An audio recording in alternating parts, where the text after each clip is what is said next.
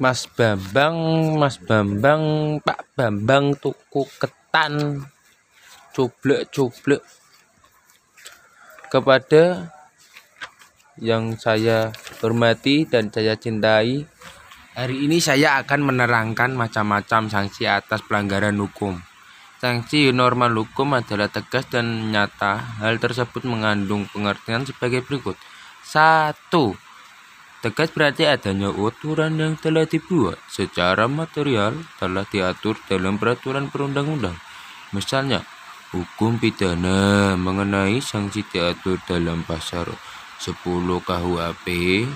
Dalam pasal tersebut ditegaskan bahwa sanksi pidana berbentuk hukuman yang mencakup satu hukuman pokok yang terdiri atas hukuman mati B.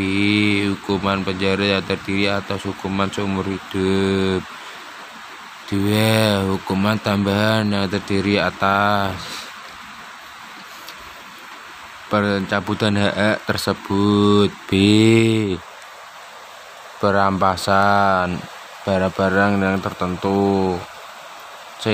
Pengumuman keputusan hakim 2 nyata berarti adanya aturan yang secara material telah tidak tetapkan kadar hukuman berdasarkan perbuatan yang dilanggar.